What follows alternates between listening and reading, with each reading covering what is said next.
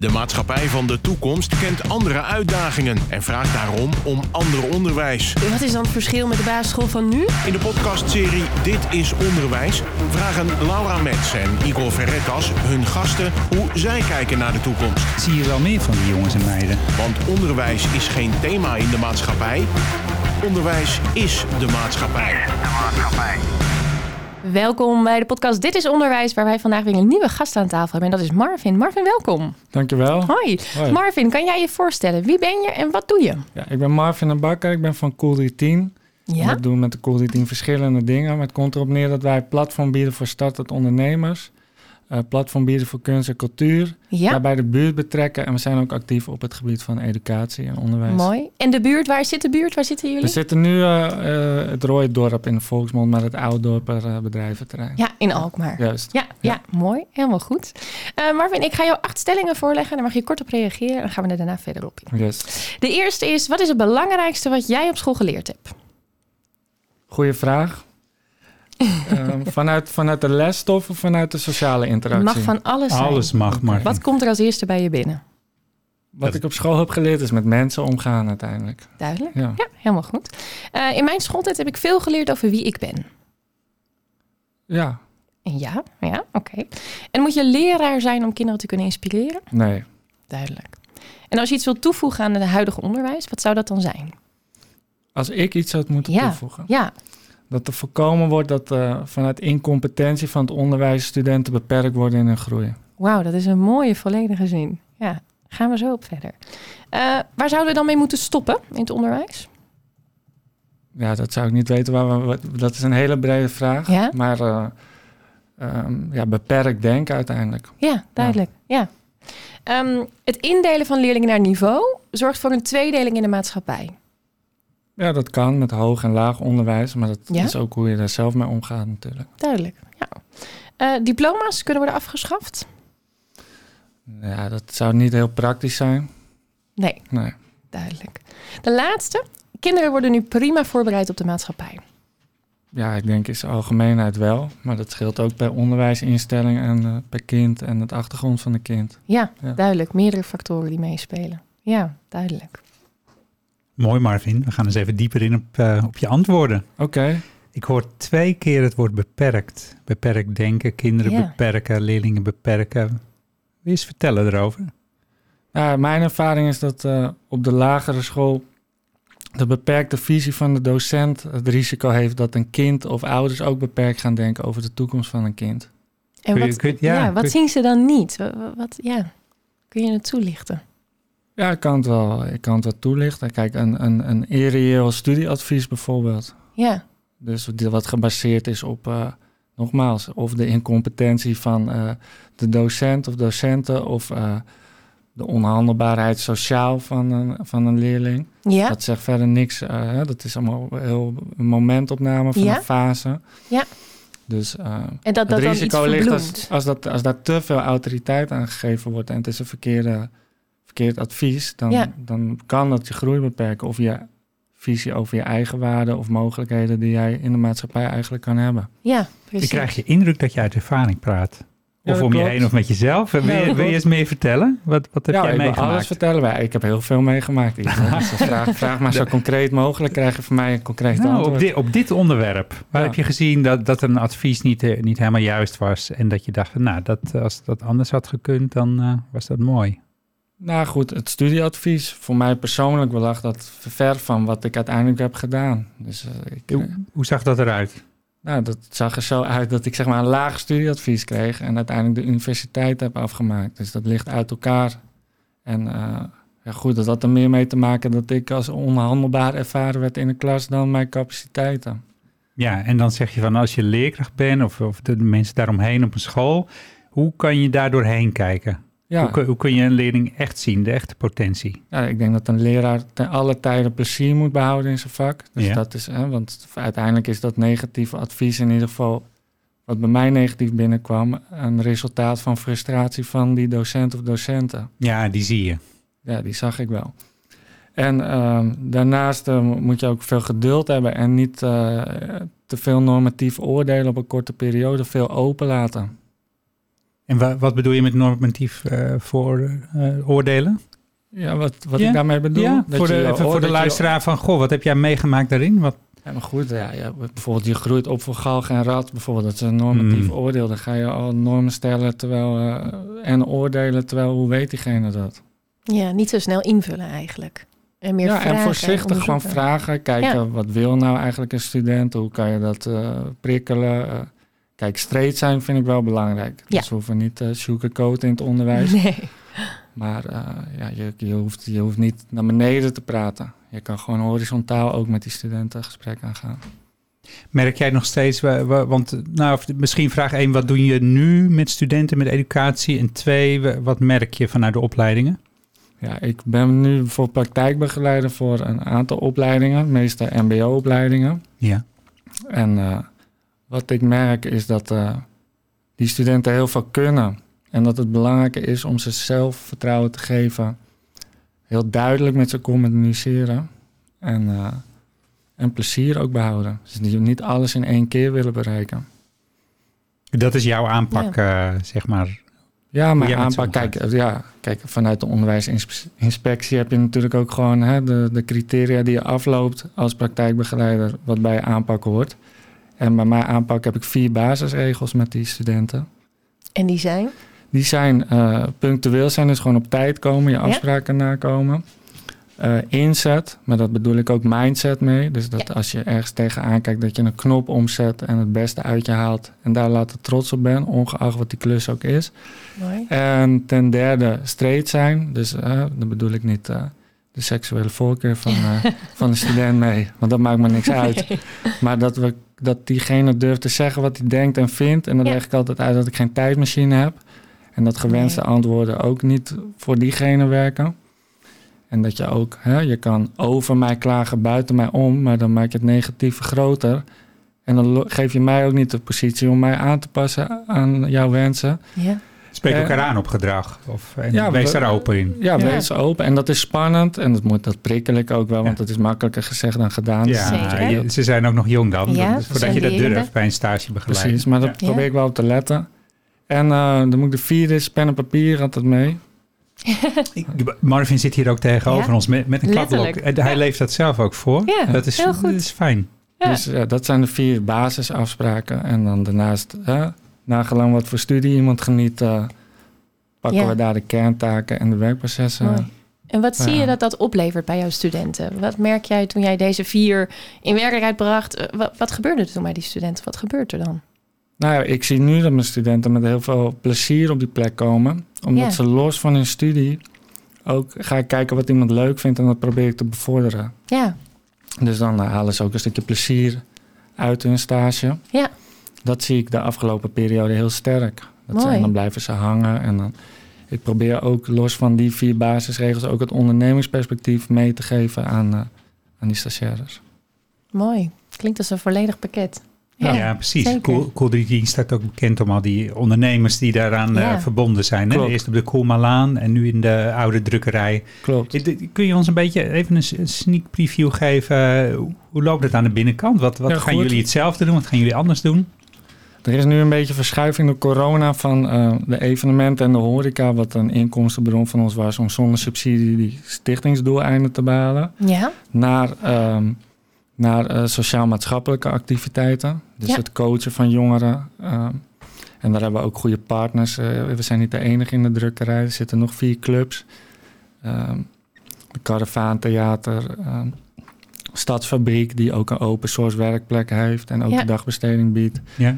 En twee sportclusters, een skate- en freerunpark en Indoor Beach Alkmaar. ja, En binnen ons cluster zitten hele diverse ondernemers. Dus van gitaarbouwer tot studio, eh, opnamestudio. Eh, er zit ook onderwijs bij ons in het cluster. Op het gebied van kunst en speciaal onderwijs.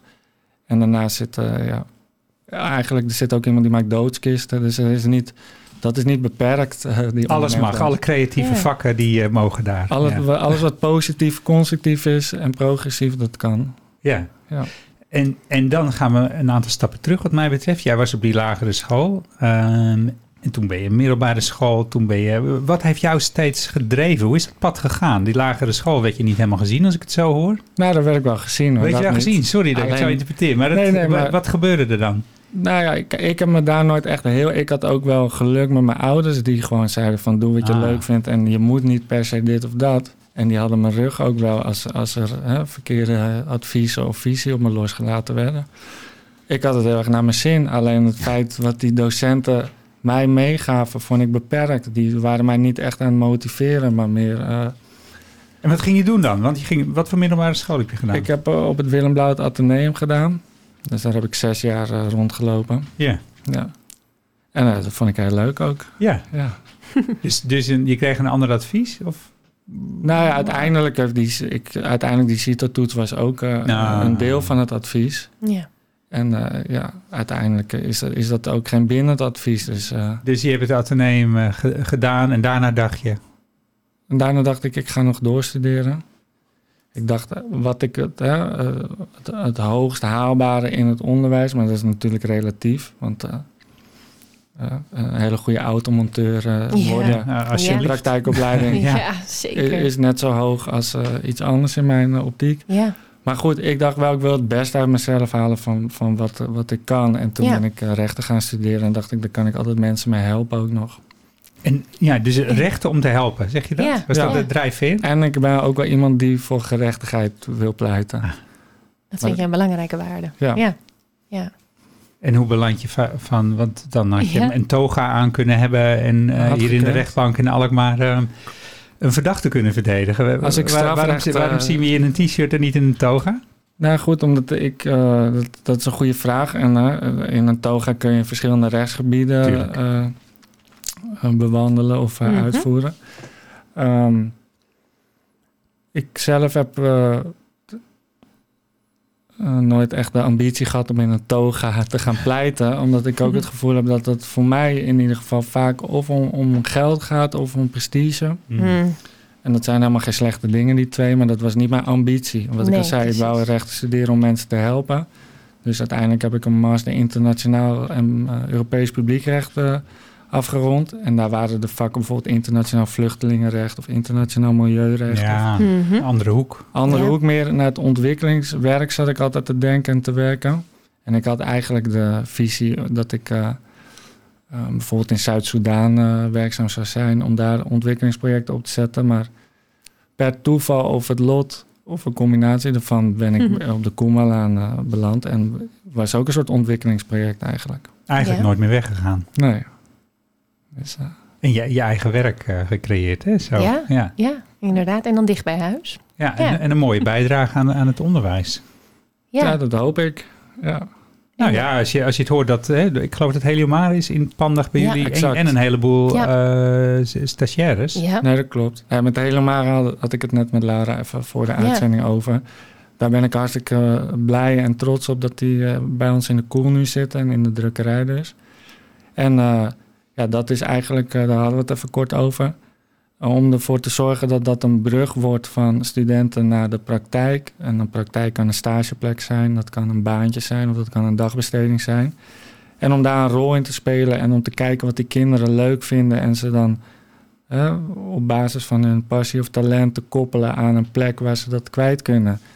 Dat eh, vind ik heel leuk, ja. Ja, mooi. En, en de drempel is dan bijna letterlijk weg, hè? Om, om inderdaad naar andere ondernemers te gaan, omdat jullie in hetzelfde gebouw zitten dan. Ja, Dan vervaagt die drempel bijna letterlijk. zeker. En Ja. ook buiten het gebouw eh, strekt ons netwerk. Dus Ja, dat dat ja. wordt steeds groter. Dus dan kan je steeds Mooi is dat. eh, beter een, eh, verbinden. ja. Ja. ja, zeker. Zie, zie jij voor het onderwijs kansen om zich eh, nou, te, te, te evalueren? Om te kijken van hoe, hoe kan dat verder ontwikkelen, anders ontwikkelen vanuit jouw gezichtspunt als... eh, Ja, uiteraard. Kijk, ik, denk dat jullie daar als SAX ook eh, actief mee bezig zijn. Maar bijvoorbeeld het hele College, Alkmaar zeker, weet je. En daar, ja, er zijn, er zijn meer besturen daarmee bezig, zeker ook. Mhm. Maar, maar hoe, wat, wat vind jij dan belangrijk als je die als stagebegeleider ziet dat je denkt, ja jongens, daar, kom op, eventjes dit. Of Dat je gewoon heel veel doen? doet. Of Dus dat, het... dat, je, dat je gaat doen in plaats van praten. Dus dat je niet heel lang eh, over eh, de beste vorm van onderwijs hebt, maar eh, direct een aantal stappen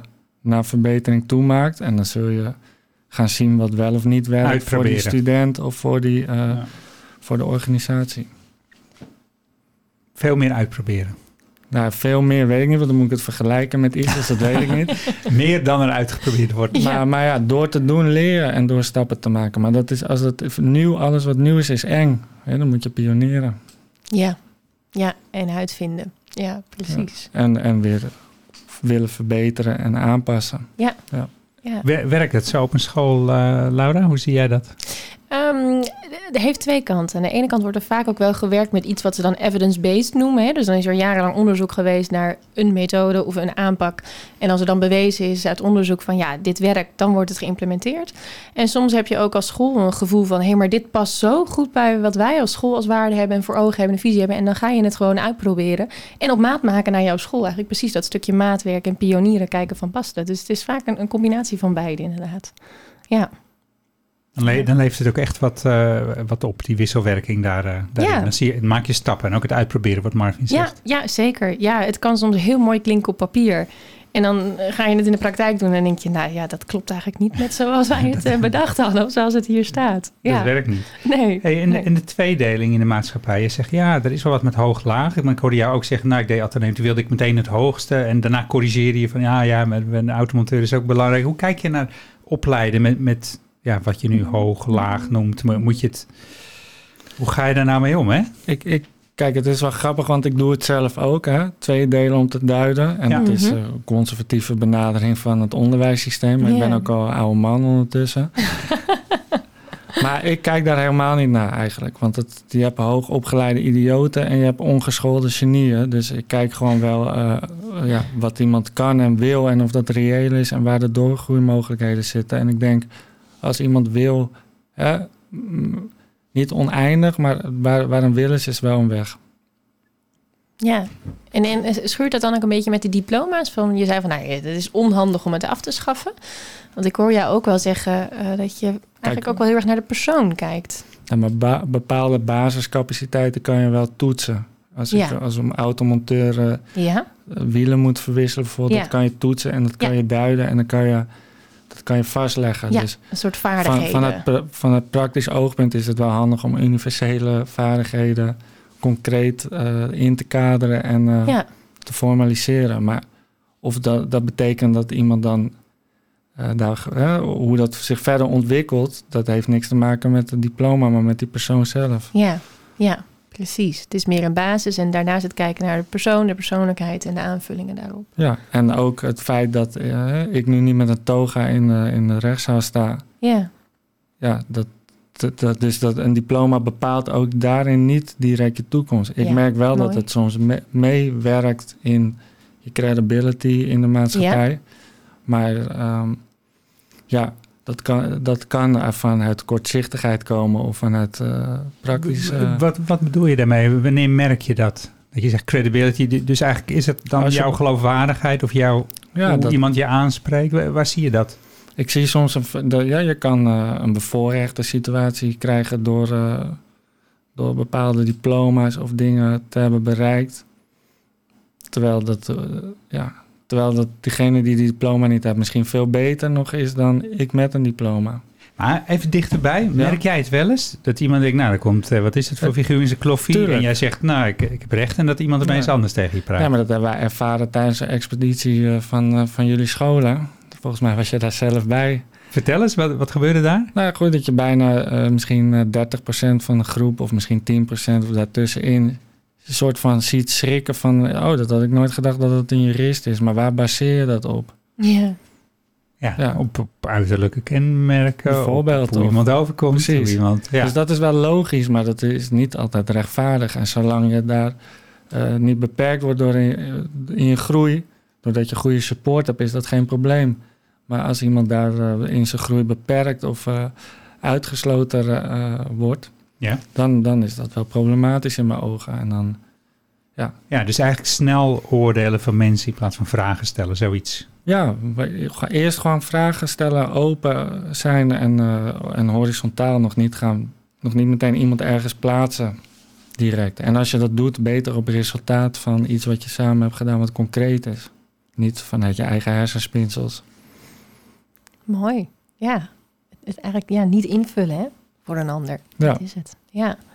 Maar goed, dat blijft, dat is, dat, dat, hè? ik ben eh, maar een mens, hè? ik ben zeker niet heilig. Dus ik vul ook wel eens in, maar dan probeer ik wel altijd op te letten en even te kijken, oh, ben ik nu aan het doen? En Ja, het zijn wel altijd momentopnames. het gaat om dat tweede stapje in het denken. Ja. Ja, ja inderdaad. Jij, jij zei volmondig, dat is zo'n vraag waar, waar we wel eens twijfelantwoorden op krijgen. In mijn schooltijd heb ik veel geleerd over wie ik ben. Jij zei volmondig ja, we horen ook wel eens van... Nou ja, eigenlijk niet. Ik moest leren, ik moest wiskunde, ik, mo- ik moest Nederlands en verder leerde ik niet zoveel. Scholen kunnen veel meer ook doen aan die persoonsontwikkeling. Ja. Hoe is dat voor jou gegaan? Want jij zei wel van ja, ik heb veel geleerd over wie ik ben op school. ja, maar bijvoorbeeld op het schoolplein. Aha, Ah. bui- buiten de lessen. Ook, Ah. maar ook binnen de lessen natuurlijk. Maar hoe je in een groep, hoe je je hiërarchisch opstelt in een groep. Hm. En eh, ja, met name buiten school om, maar wel op het schoolplein. Wat leer je van een schoolplein? Ja, assertief te zijn of niet, je grenzen te bepalen, eh, plezier maken samen. Ja, ik kan, ja, ik kan nogal doorgaan. Ruzie Ja, maken, toch, weer goed maken. Ja. ja Dat soort dingen. sporten. En, en zouden, vind je dat ook echt dingen voor een schoolplein? Of, of moet daar ook meer in de, in de, in de scholen zelf eh, op gebeuren? Of zeg je van nou, dat is eigenlijk gewoon een sociale interactie die zichzelf al regelt? Ik denk zelf dat het sociale aspect van je ontwikkeling nog misschien belangrijker is dan die wiskundeles. Want voor sommige vakken heb je die wiskunde niet nodig.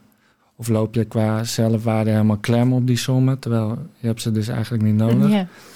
En eh, kijk, wat ik mijn stagiaires veel wil meegeven is dat sociale interactie met mensen, eh, credible zijn, dus gewoon betrouwbaar zijn, doen wat je zegt.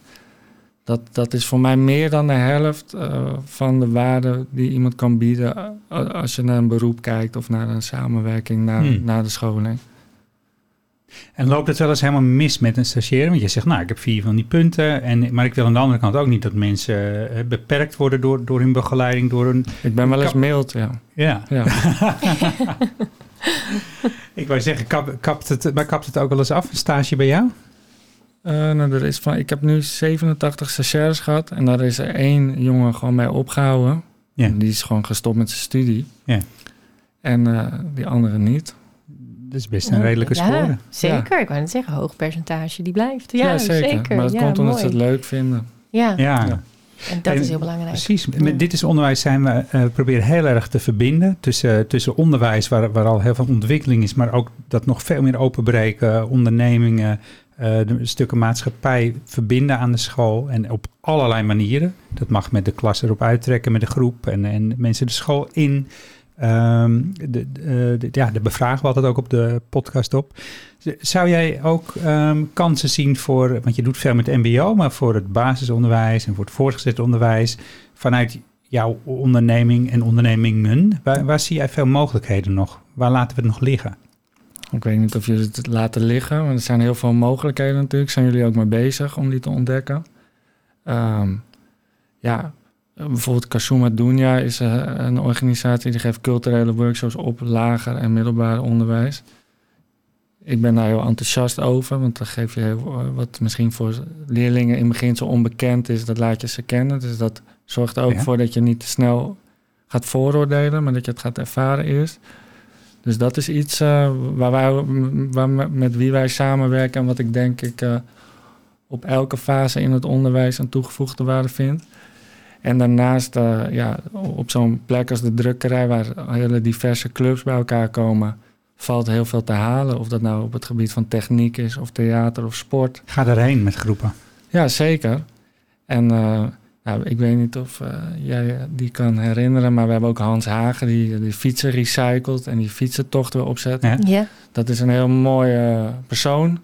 En ik denk dat die ook ontwapenend is. Eh, die is niet eh Ja, de keurslijf type. is dat er zo een van, moet je, moet je leren zijn om kinderen te inspireren? Jij zegt, zei nee, is dat zo- zo'n Hans, zo'n figuur dat je zegt, nou, die heeft heel veel te inspireren te leren? Ja, maar, maar los van Hans ook al, al die andere mensen daar. Maar Ja. gewoon zo, het liefst zo breed mogelijk scala laten zien voor allerlei soorten mensen. Dus of heel Ja. formeel, heel informeel, heel En wat rauw. gebeurt er dan? Waarom is het goed voor kinderen? Waarom dat goed is? Ehm, ik denk omdat je dan zoveel mogelijk dingen kan leren, zien en kennen wat jij leuk vindt of juist niet. ja. Dat op Ontdekken. jonge leeftijd. Ja. Ja. ja, ontdekken door te doen. Maar Vin, onwijs bedankt voor je verhaal. We hebben een mooi inkijkje gekregen in Cool 310. Ja. In jouw verhaal en het stukje met onderwijs. Dankjewel hiervoor. Ja, jullie ook bedankt. Dank. Graag gedaan. Dit was Dit is Onderwijs. Een podcast waarin we proberen een verbinding te maken tussen het onderwijs en de wereld van morgen. En die van de dag daarna. Dit is Onderwijs is een samenwerking tussen SAX en Streekstad Centraal.